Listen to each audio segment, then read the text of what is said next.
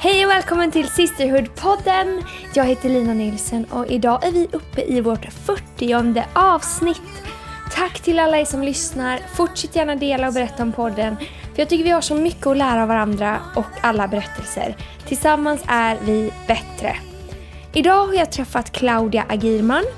Vårt samtal har handlat till stor del om träning och hälsa. Claudia är utbildad till PT och också var nominerad till Årets PT för ett par år sedan. Men resan har varit långt ifrån självklar.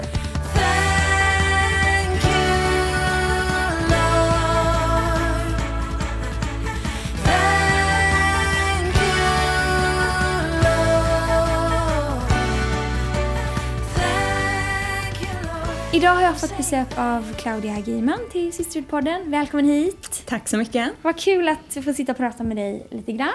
Kul att få vara här. Eh, var drog du ditt första andetag någonstans? Det gjorde jag i Linköping. Eller Linköping som vi säger i Östergötland. kan höra det där. Hur länge bodde du där sen? Växte du upp där? Jag har vuxit upp där, bott där fram till jag flyttade hit för tre år sedan. Så till jag var 27 bodde jag där. Och hit är Stockholm. Stockholm precis. Mm. Har du någon favoritfilm? Eller serie? Oh, serie är ju den enklaste frågan någonsin. Vänner är den Ah. absolut bästa serie som någonsin kommer finnas. Kan du kolla igen så på samma eh, avsnitt? Det går inte en hel dag utan att jag tittar på minst ett par vänner-avsnitt.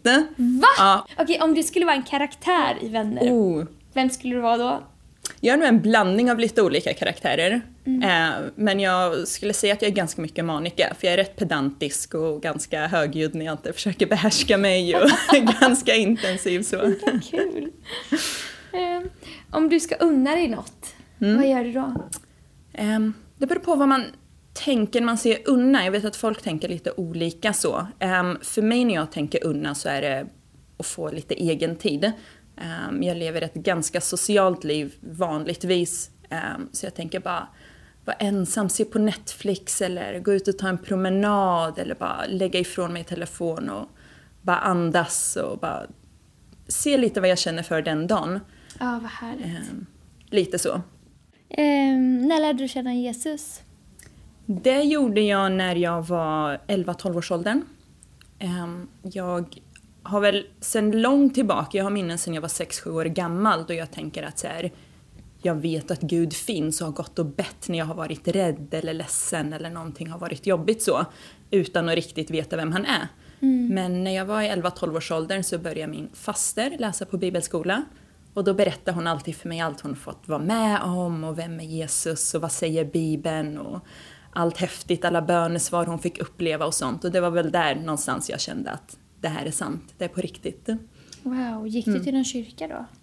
Jag är uppvuxen i syrisk-ortodoxa kyrkan. eh, Men vi var inte där mer än på jul och påsk och högtider och så. Eh, Så då gick jag inte regelbundet. Sen jag var i 16, mellan 16 och 18 där så kände jag att jag klarar inte av att läsa Bibeln själv och göra det här på egen hand. Eh, Så då började jag gå i kyrkan. Eh, när man pratar med dig och när du kommer in i ett rum så känns du så här väldigt trygg. Har det alltid varit så? Nej, det skulle jag absolut inte påstå. Det var väl först egentligen för bara några år sedan. Egentligen för tre år sedan jag flyttade hit som jag verkligen vågade våga landa i mig själv och våga öppna upp mig och så. Ehm, när jag växte upp så var det lite oroligt hemma, kan man väl säga. Ehm, så jag, jag var väldigt mycket hemma och försökte kontrollera situationer som jag kanske inte borde tagit ansvar för. Eh, Men det ledde till att jag inte hade jättemycket vänner när jag växte upp. Ehm, Och var ganska blyg och tystlåten när jag väl var i skolan och kände väl att jag hade inte så mycket att säga utan jag ville mest bara göra det jag skulle där och gå hem igen. Och, ehm, när jag väl blev lite äldre och började umgås med några vänner så blev jag ändå lite så här the tag along friend. Eh, de var lite the it girls och alla ville hänga och prata med dem och jag var mest bredvid och var den tysta och blyga. Ehm, så nej, det har jag absolut inte varit. Det har fått växa fram. Om jag säger eh, träning, Mm. hur känner du och tänker då? Liksom, vad associerar du det med? Wow. Um, rent spontant när jag associerar träning med något så tänker jag vara frisk, um, må bra, ha en kropp som orkar med den vardag man lever i. Det kan se jätteolika ut för människor. För en del så krävs det mer och för andra så krävs det mindre. Ehm, Men det är ju något, eh, träning är ju någon så här hatkärleksgrej för mig. Jag har ju jobbat som PT. Jag pluggade till PT 2012. eh, I Sydney faktiskt. Åkte till Australien gjorde det. Ehm, vägen dit var väl lite sådär. Jag började träna när jag var i 18-19 års åldern för att jag kände att allt stillasittande hemma började leda till att eh, jag gick upp i vikt. Ehm, och det gör väl egentligen ingenting för jag var inte särskilt stor men i och med att jag redan var ganska osäker så blev det ännu ett moment som blev väldigt jobbigt för min självkänsla och min självbild. Ehm, så jag fick för mig att ja, jag kanske ska börja träna. Och eh, det gjorde jag ju. Och Vad insåg... började du träna då? Jag började gå på pass, eh, för min gudmor tränade på ett gym inne i stan i Linköping. Så jag började haka på henne, för jag visste inte vart man skulle ta vägen. Det var som en djungel att gå in och se alla maskiner och vikter. Jag kände bara, hur i hela världen ska man lära sig det här? Eh, Så jag började på pass, lite allt möjligt, mycket kampsportsinriktat. eh, Mycket bodystep med brädor, bara lite allt möjligt. Ända att jag insåg att nej, men jag vill nog prova mina vingar ute i gymmet också. Eh, Och anlitade en PT då som hjälpte mig lära känna maskinerna och lite allt sånt. Sen därefter så lärde jag mig nog ganska mycket själv och bara testa mig fram och hur muskelgrupper hänger ihop och allt sånt. Så det blev liksom min grej. Och alla på gymmet där tyckte att du bor ju mer eller mindre här, varför blir du inte PT? Och det var så här, det var en väldigt bra fråga, det kanske Mm. är något man ska ta tag i. Ehm, sen finns det ju mycket bakomliggande där som har gjort att den resan har varit lite upp och ner.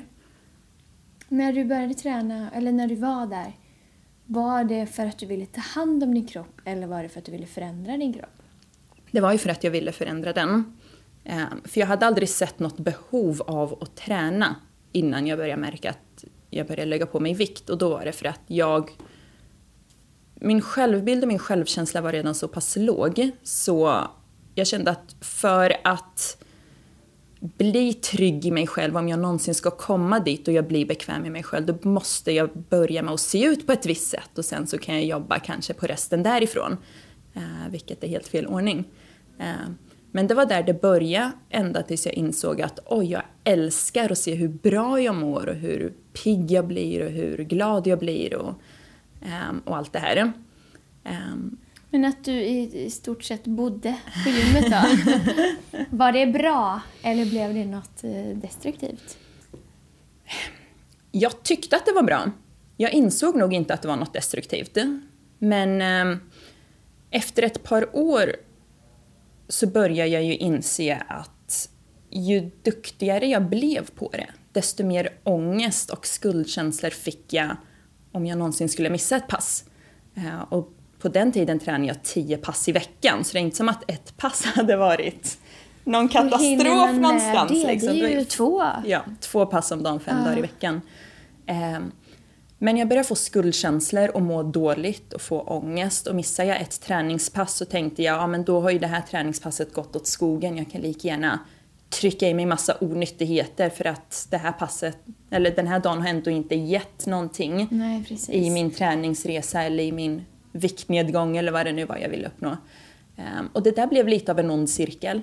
Ehm, det blev perioder av väldigt mycket träning och väldigt lite att äta för att jag skulle få resultat. Följt av att jag kände att ja, men den här dagen är redan misslyckad och den slutade i någon form av hetsätning för att jag kände att nu har jag redan gått åt skogen, nu kan jag lika gärna bara få mig själv att må ännu sämre. Det vart nästan som att jag försökte straffa mig själv. Att nu när du har missat det här träningspasset kan du lika gärna hetsäta så du får ännu mer ångest för att det är där du förtjänar. Jag vet inte, det var någon, hade någon vriden bild på vad jag var värd och vad jag förtjänar liksom. Och det var... Ja, det vart, det vart rätt destruktivt med åren sen utan att jag riktigt fattade det på ganska länge. Hur kom det sig att du till slut förstod då att det var något som inte Mm. var helt bra? Tanken slog mig ju lite då och då, men jag var ju ganska snabb på att slå bort den och hitta ursäkter till att nej men det här är, det är inte ohälsosamt. Det är okej att vara så här och det bra att träna och det är bra att våga äta onyttigt för att hitta en balans. Och så vad det än var så hittade jag en ursäkt. Ehm, Men vid något tillfälle insåg jag väl att det kanske är något som inte stämmer helt hundra. Så jag öppnade upp mig för några av mina vänner i Linköping.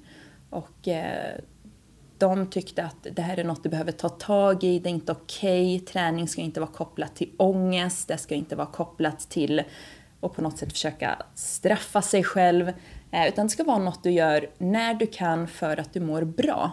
Eh, och inte den press som jag satte på det. Men jag tyckte väl att nej men jag, jag, kan nog, jag har det här under kontroll. Nu när jag ändå har berättat det och sagt det högt och vi någonstans har insett att det kanske inte är helt hälsosamt så kanske jag kan kontrollera det. Eh, men det lyckades jag nog inte göra. Så det var faktiskt först när jag pratade med en av mina vänner som och hon frågade hej, hur mår du?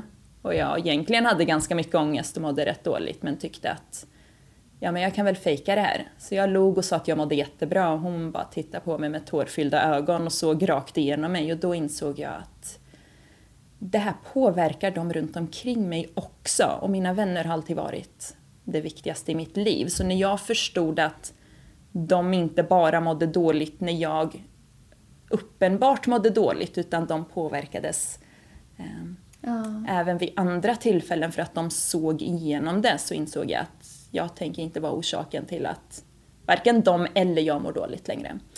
Så då, då tog jag tag i att söka hjälp faktiskt.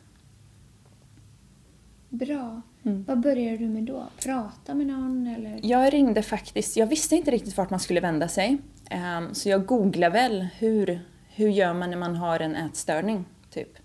Ehm, Och då så hittade jag numret till BUP, barn och ungdomspsykiatrin. Så jag ringde dit och sa att hej, jag vet inte om det är hit jag ska vända mig men jag börjar här så kanske ni kan hänvisa mig vidare om det är så.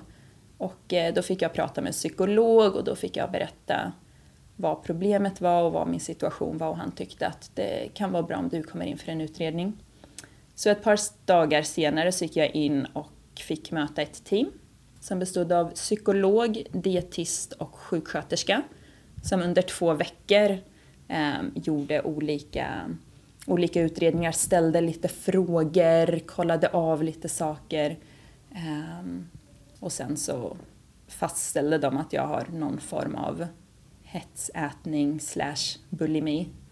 Mm. Ehm, Så därifrån så fick jag ju börja gå dit en gång i veckan och prata med dem och försöka och få ett kostschema att följa även om jag tyckte det var jobbigt och få ett träningsschema att följa som inte bestod av tio träningspass i veckan utan jag fick dra ner på det.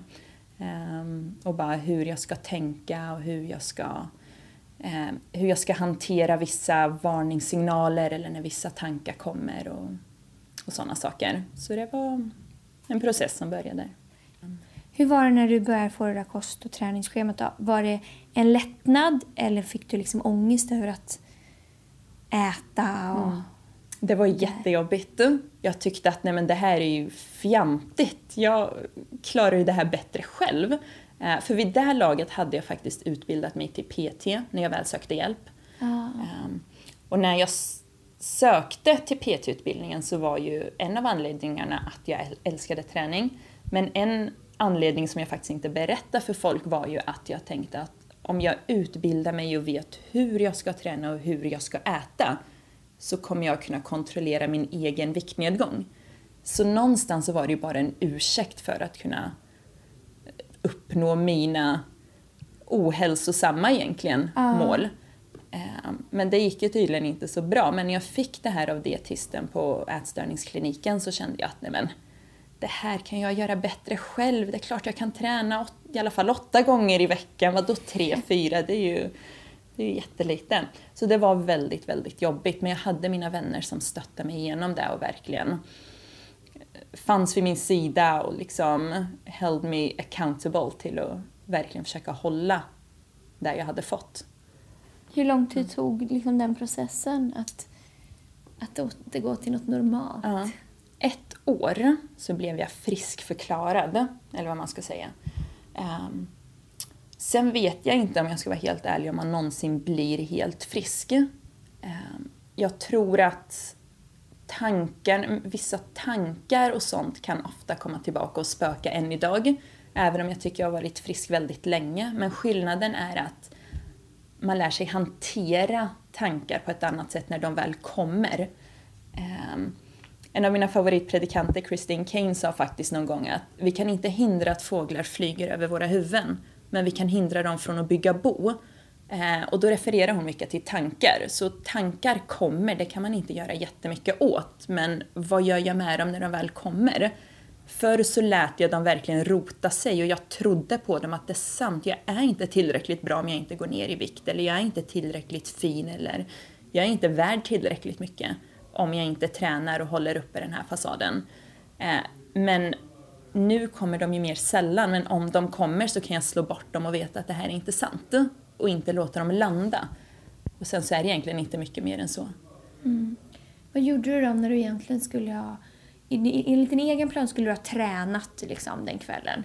Men så fick du inte det. Vad gjorde du då istället? Det var ganska mycket olika saker faktiskt. Jag var väldigt mycket hemma. Ehm, såg på TV var ju en, en av mina räddningar. Jag vet inte om det är räddning eller om det var en, en snara. Men jag kunde försvinna in i det väldigt mycket. Var det vänner då eller? Bland annat, ja, bland annat. Eh, eller faktiskt gå ut och träffa mina riktiga kompisar och vara någonstans där jag vet att jag är i bra sällskap och där jag mår bra. Och där jag är accepterad även om jag har en dålig dag eller egentligen är sur över att jag vill gå och träna eller någonting sånt så vet jag att det var en trygg miljö. Jag antar att när du började äta normalt och träna normalt förändrades din kropp då? Kände du att du blev otränad eller var du rätt rädd för att gå upp i vikt? Eller? Mm. Ehm, jag var nog rädd för att Dels för att tappa muskelmassa, för jag hade lagt på mig ganska mycket muskelmassa under den tiden. Och dels att gå upp i vikt, det var nog både och. Men jag märkte ingen negativ skillnad på min kropp. Och det var väl det som gjorde att jag så småningom kunde komma till den punkten där jag kunde bli friskförklarad. För jag insåg att okej, det funkar bra det här också. Jag behöver inte lägga 10 timmar i veckan, jag behöver inte ha ångest. Jag kan äta onyttigt, jag kan äta normalt utan att behöva vara övernyttigt heller. För det var oftast där det blev, att antingen skulle det vara jätteonyttigt bara, bara för att nästan skada mig själv, eller skulle det vara supernyttigt. Och liksom jätterent och inga oljor och inga såser och jättetorr mat bara för att få i mig mat. Ehm, så nej men det fick nog bara en positiv effekt, men främst så märkte jag det väl nog på, på mitt psyke. Att det var mindre ångest och det var, jag var gladare och jag var piggare och jag hade mer energi över till att faktiskt leva mitt liv. Livet handlade inte bara om träning. Träning var en del av livet som gjorde att jag orkade och mådde bra. Men den tog inte över på ett negativt sätt. Hur var det när du jobbade som PT då? Du, kun- kunde du se på andra, de, liksom dina kunder, med krassa ögon? Fast du inte kunde göra det på dig själv? Alltså jag såg aldrig på mig själv och mina kunder med samma ögon. Eh, De var jag, jag kunde se väldigt små framsteg som de gjorde och verkligen fira dem. Men när det kom till mig själv så kunde jag inte se, även om jag gjorde jättestora förändringar så kunde jag inte riktigt se dem för att jag var för, alldeles för självkritisk. Vilket man lätt kan bli tyvärr. Hur är miljön eh, i vad ska man säga, gymbranschen eller när man är PT och sådär? Finns, det en, finns det en press att man behöver se ut på ett särskilt sätt eller, eller liksom vara superhälsosam? Just det. Mm. Ehm, Just på det gym jag jobbade och där jag höll till väldigt mycket så var det inte den prestigen. Eh, Utan våra kunder och vi kollegor, vi kunde ju sitta, de som jobbade på gymmet, i reception och käka en pizza till lunch och PTn kunde sitta efter ett PT-pass och äta en glass och, och det var egentligen inget konstigt. Och när kunderna kom så kunde de skoja att nej men sånt där får ju inte vi äta på våra kostscheman men det blev mer en rolig grej, att man blev lite mer mänsklig. Ehm, mer än att nu måste jag vara på ett visst sätt för annars får jag inga kunder för de litar inte på mig. Utan det var väldigt, väldigt mycket connection, att man, att man klickar med varandra som personer mer. Eh, vilket jag verkligen uppskattar. Jag tror det också var en väldigt stor del i att jag faktiskt kunde komma vidare. Eh, Sen satte jag väldigt mycket prestige på mig själv. Att jag har ett ansvar som PT att se ut på ett visst sätt. Eh, Men det var ingen som la det på mig, utan det la ju jag. Det var ju någon... Det kom inifrån. Ja, precis. Jag har hört att du blev nominerad till Årets PT. Ja, Stämmer det? det blev jag. Det stämmer. När var det? 2014 måste det ha varit. Eh, det finns ett pris i träningsvärlden som heter Guldhjärtat. Eh, där det finns fem olika kategorier, tror jag det är. Eh, bland annat Årets PT. Eh, så den blev jag nominerad till och kom så pass långt att jag faktiskt fick gå på galamiddag i eh, Göteborg. Det var helt overkligt. Jag från mitt lilla gym i Linköping, hur många kunder hade jag om man jämför med alla, alla stora PT och kändis-PT som finns i världen. Ehm, Men det visar mig också någonstans att det spelar egentligen ingen roll hur stor eller hur känd man är, utan hur får man beröra människor? Och det var väl det som gjorde att flera av mina kunder nominerade mig. Ehm, Just för det hjärtat jag hade för att hjälpa dem vidare. Och eh, det var ju också verkligen något som bara gav mig en spark i baken att se mig själv med mindre kritiska ögon och vara lite mindre hård mot mig själv.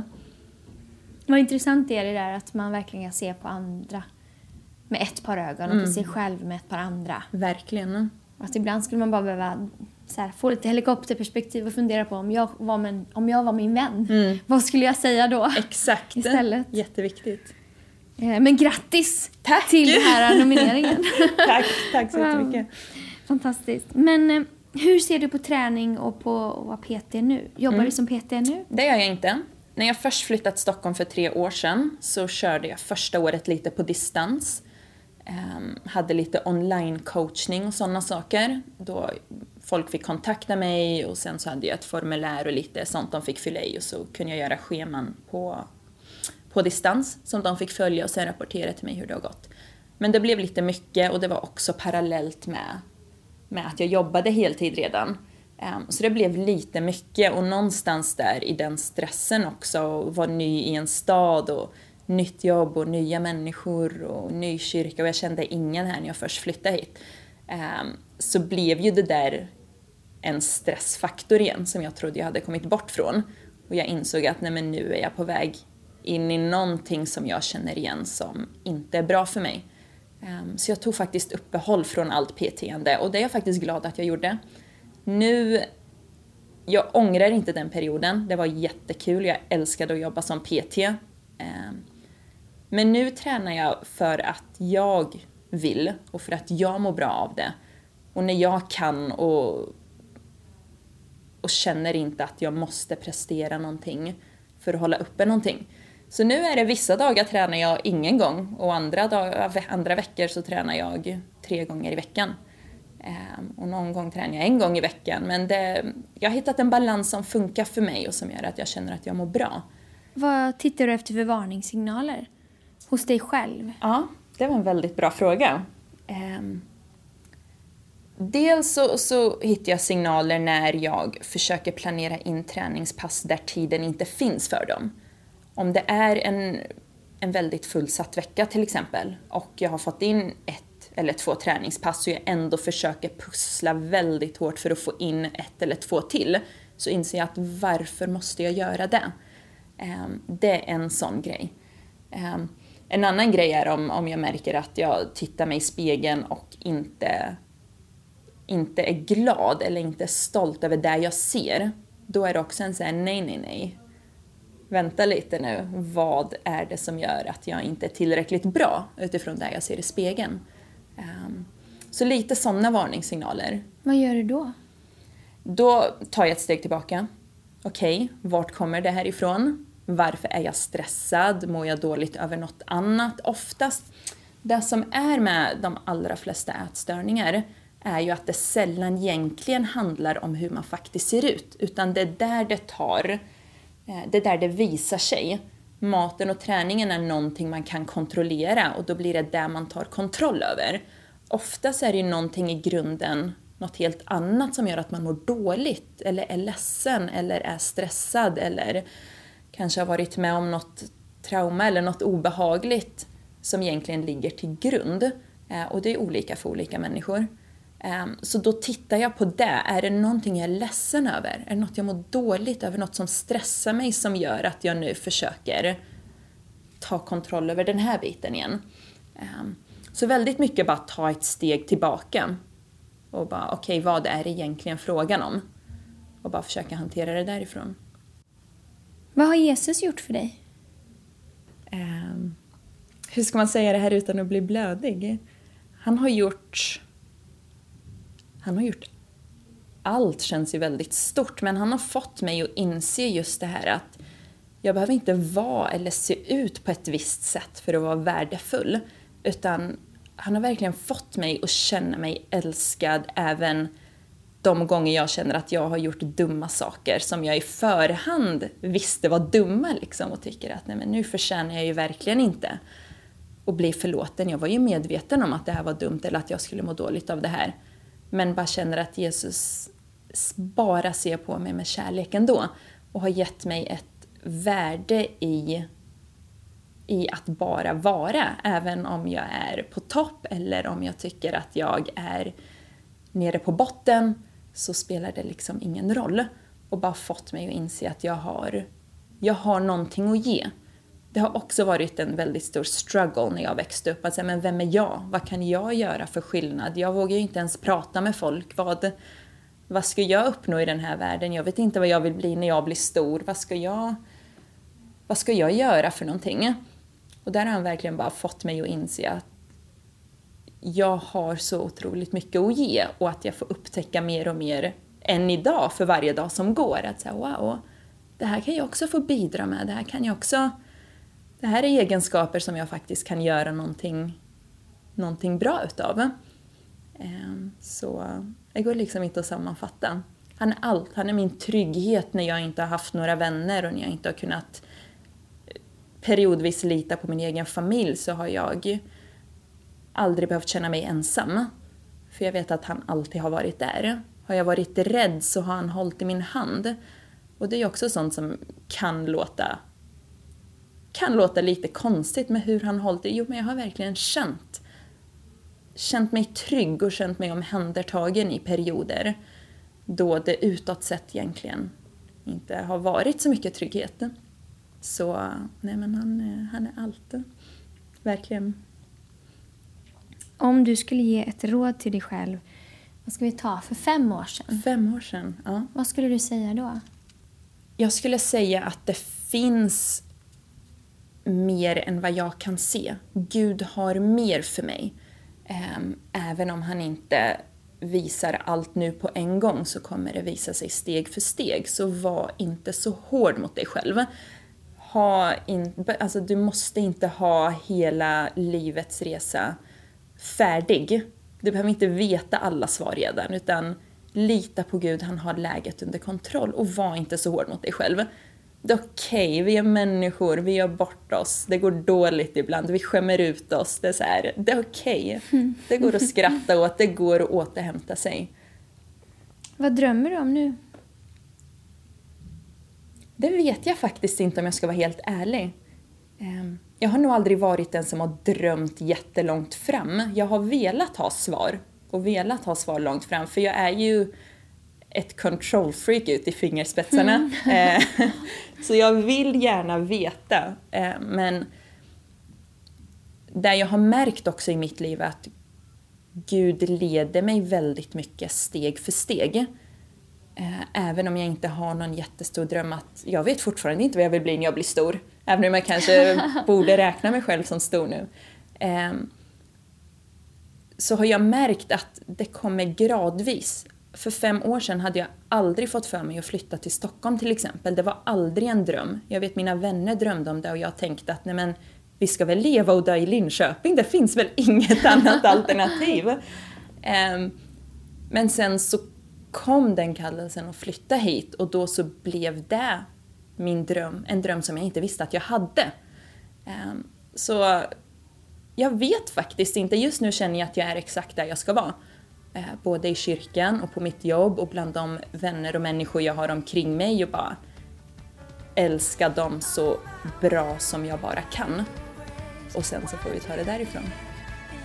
Tack för att jag fick prata med dig en stund idag. Tack för att jag fick komma.